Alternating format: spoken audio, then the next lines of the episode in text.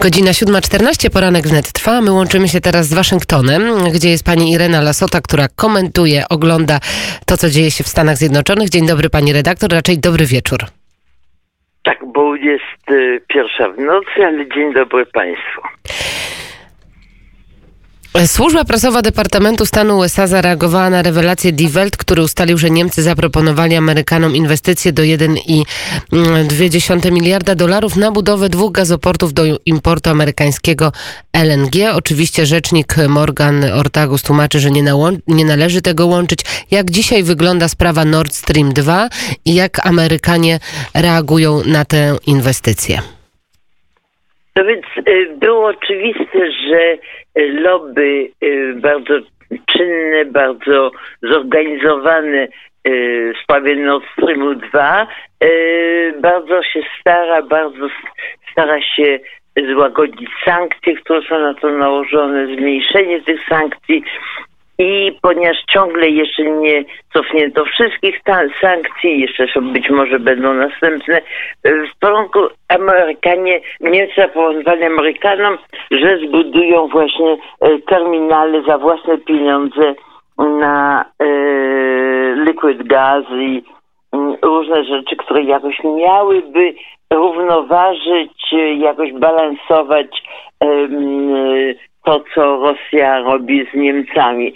Mm, tutaj w Ameryce zostało to przyjęte wśród środowiska, które mają jakieś tam pojęcie o energii, że jest to no, takie zaciemnienie sprawy, mm, ponieważ rzeczywiście Nord Stream 2 jest y, tym, tą potężną inwestycją, w którą już wsadzono tyle pieniędzy i obiecywanie Amerykanom czegoś, co jeszcze będzie musiało być dopracowane, każdy szczegół.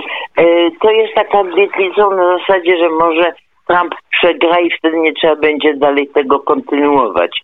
Mm, wiemy, że zdarzają się w polityce zagranicznej takie e, oferty po to, żeby odwrócić uwagę od czegoś ważnego, czy oferty po to, żeby e, jedna strona poczuła się bardziej uhonorowana. Nie. Mm, mam w tej chwili olbrzymie e, zainteresowanie w e, sprzedawaniu e, gazu. Czyli pani redaktor, jeżeli Donald Trump nie wygra wyborów prezydenckich, to raczej Nord Stream 2 będzie projektem, który będzie kontynuowany? Niekoniecznie, dlatego że to jest nie tylko inicjatywa Trumpa, nawet wyszła inicjatywa e, tego, że Nord Stream 2 jest niebezpieczny dla mm, całości NATO i Unii Europejskiej, no to nie było spostrzeżenie Trumpa, to było spostrzeżenie i poprzednie, i równolegle. Mm, coraz bardziej zaczęto rozumieć, że Europa związana tak silnie ze Stanami Zjednoczonymi, y, jej interesie być tak uzależnioną od Rosji, zwłaszcza, że Rosja lubi pokazywać, że to uzależnienie bywa w momentach konfliktów y, y, może być przerywane, może być renegocjowane i tak dalej. A jak dzisiaj wygląda wojna handlowa pomiędzy Stanami Zjednoczonymi i Chinami? Bo widzimy cały czas coraz to kolejne odsłony, nakładanie różnego rodzaju sankcji. A jak dziś, 22 września, to wygląda? To wygląda to, są, ponieważ to właśnie mówi pani um, daty, czyli to są daty nie tylko tak powiem obiektywne, e, którego dnia w miesiącu i w roku jesteśmy, ale ważne są daty, ile dni przed y, kampanią, przed wyborami jesteśmy.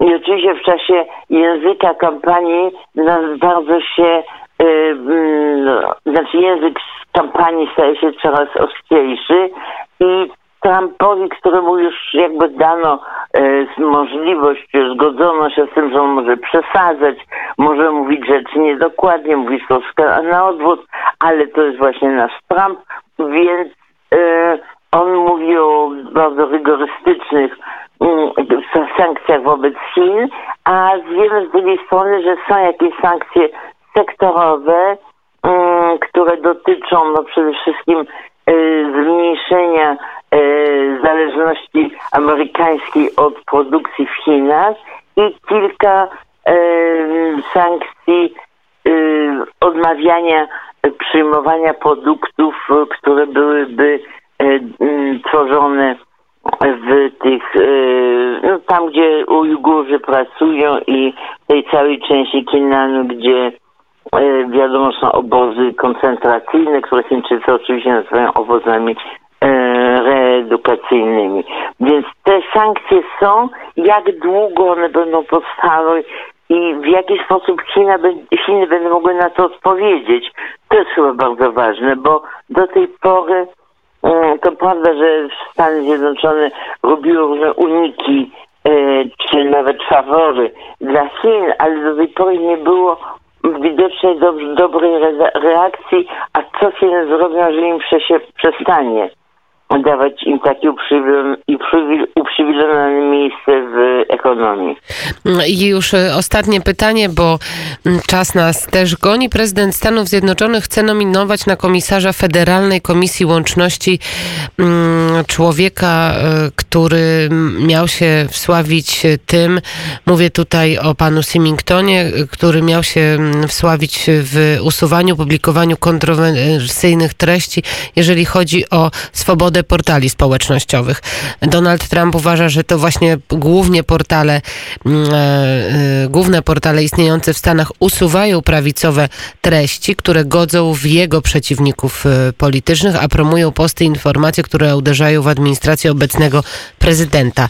Co pani powie na ten temat? No, w tej chwili dopiero dyskusja się zaczęła na ten temat, natomiast wojna prezydenta z różnymi yy, portalami społecznościowymi, ona jest dosyć utrudniona, bo to jednak jest Ameryka i tutaj no, nie jest to dyktatura i y, można, mogą to się odbywać te targi i zatargi tylko w ramach jednak prawa i każda decyzja musi bo, zostać zatwierdzona przez Sejm, a Sejm w dużej, Sejm przez sądy, które są w bardzo dużej mierze mm, niezależne. I dlatego to wszystko będzie jeszcze się dosyć długo kitłasiło, być może i do wyborów, mm, mianowania y, różnych członków y, mm, komisji i tak Nie zawsze właśnie y, Trump idzie do końca, żeby bronić swoją kandydaturę. Czasami się poddaje, jeżeli zwraca mu się uwagę, że to mu się politycznie nie opłaci. Bardzo dziękuję za ten komentarz prosto z Waszyngtonu. E, Irena Lasota, publicystka, opozycjonistka. Bardzo dziękuję i miłej nocy życzę. Dziękuję. E, Godzina 7.22. Na naszych zegarach za kilka minut będziemy rozmawiać z przedstawicielem porozumienia o przyszłości koalicji mm, e, rządzącej, o przyszłości Zjednoczonej Prawicy. A teraz wysyłamy życzenia, składamy życzenia. Dzisiaj Nick Cave obchodzi swoje urodziny.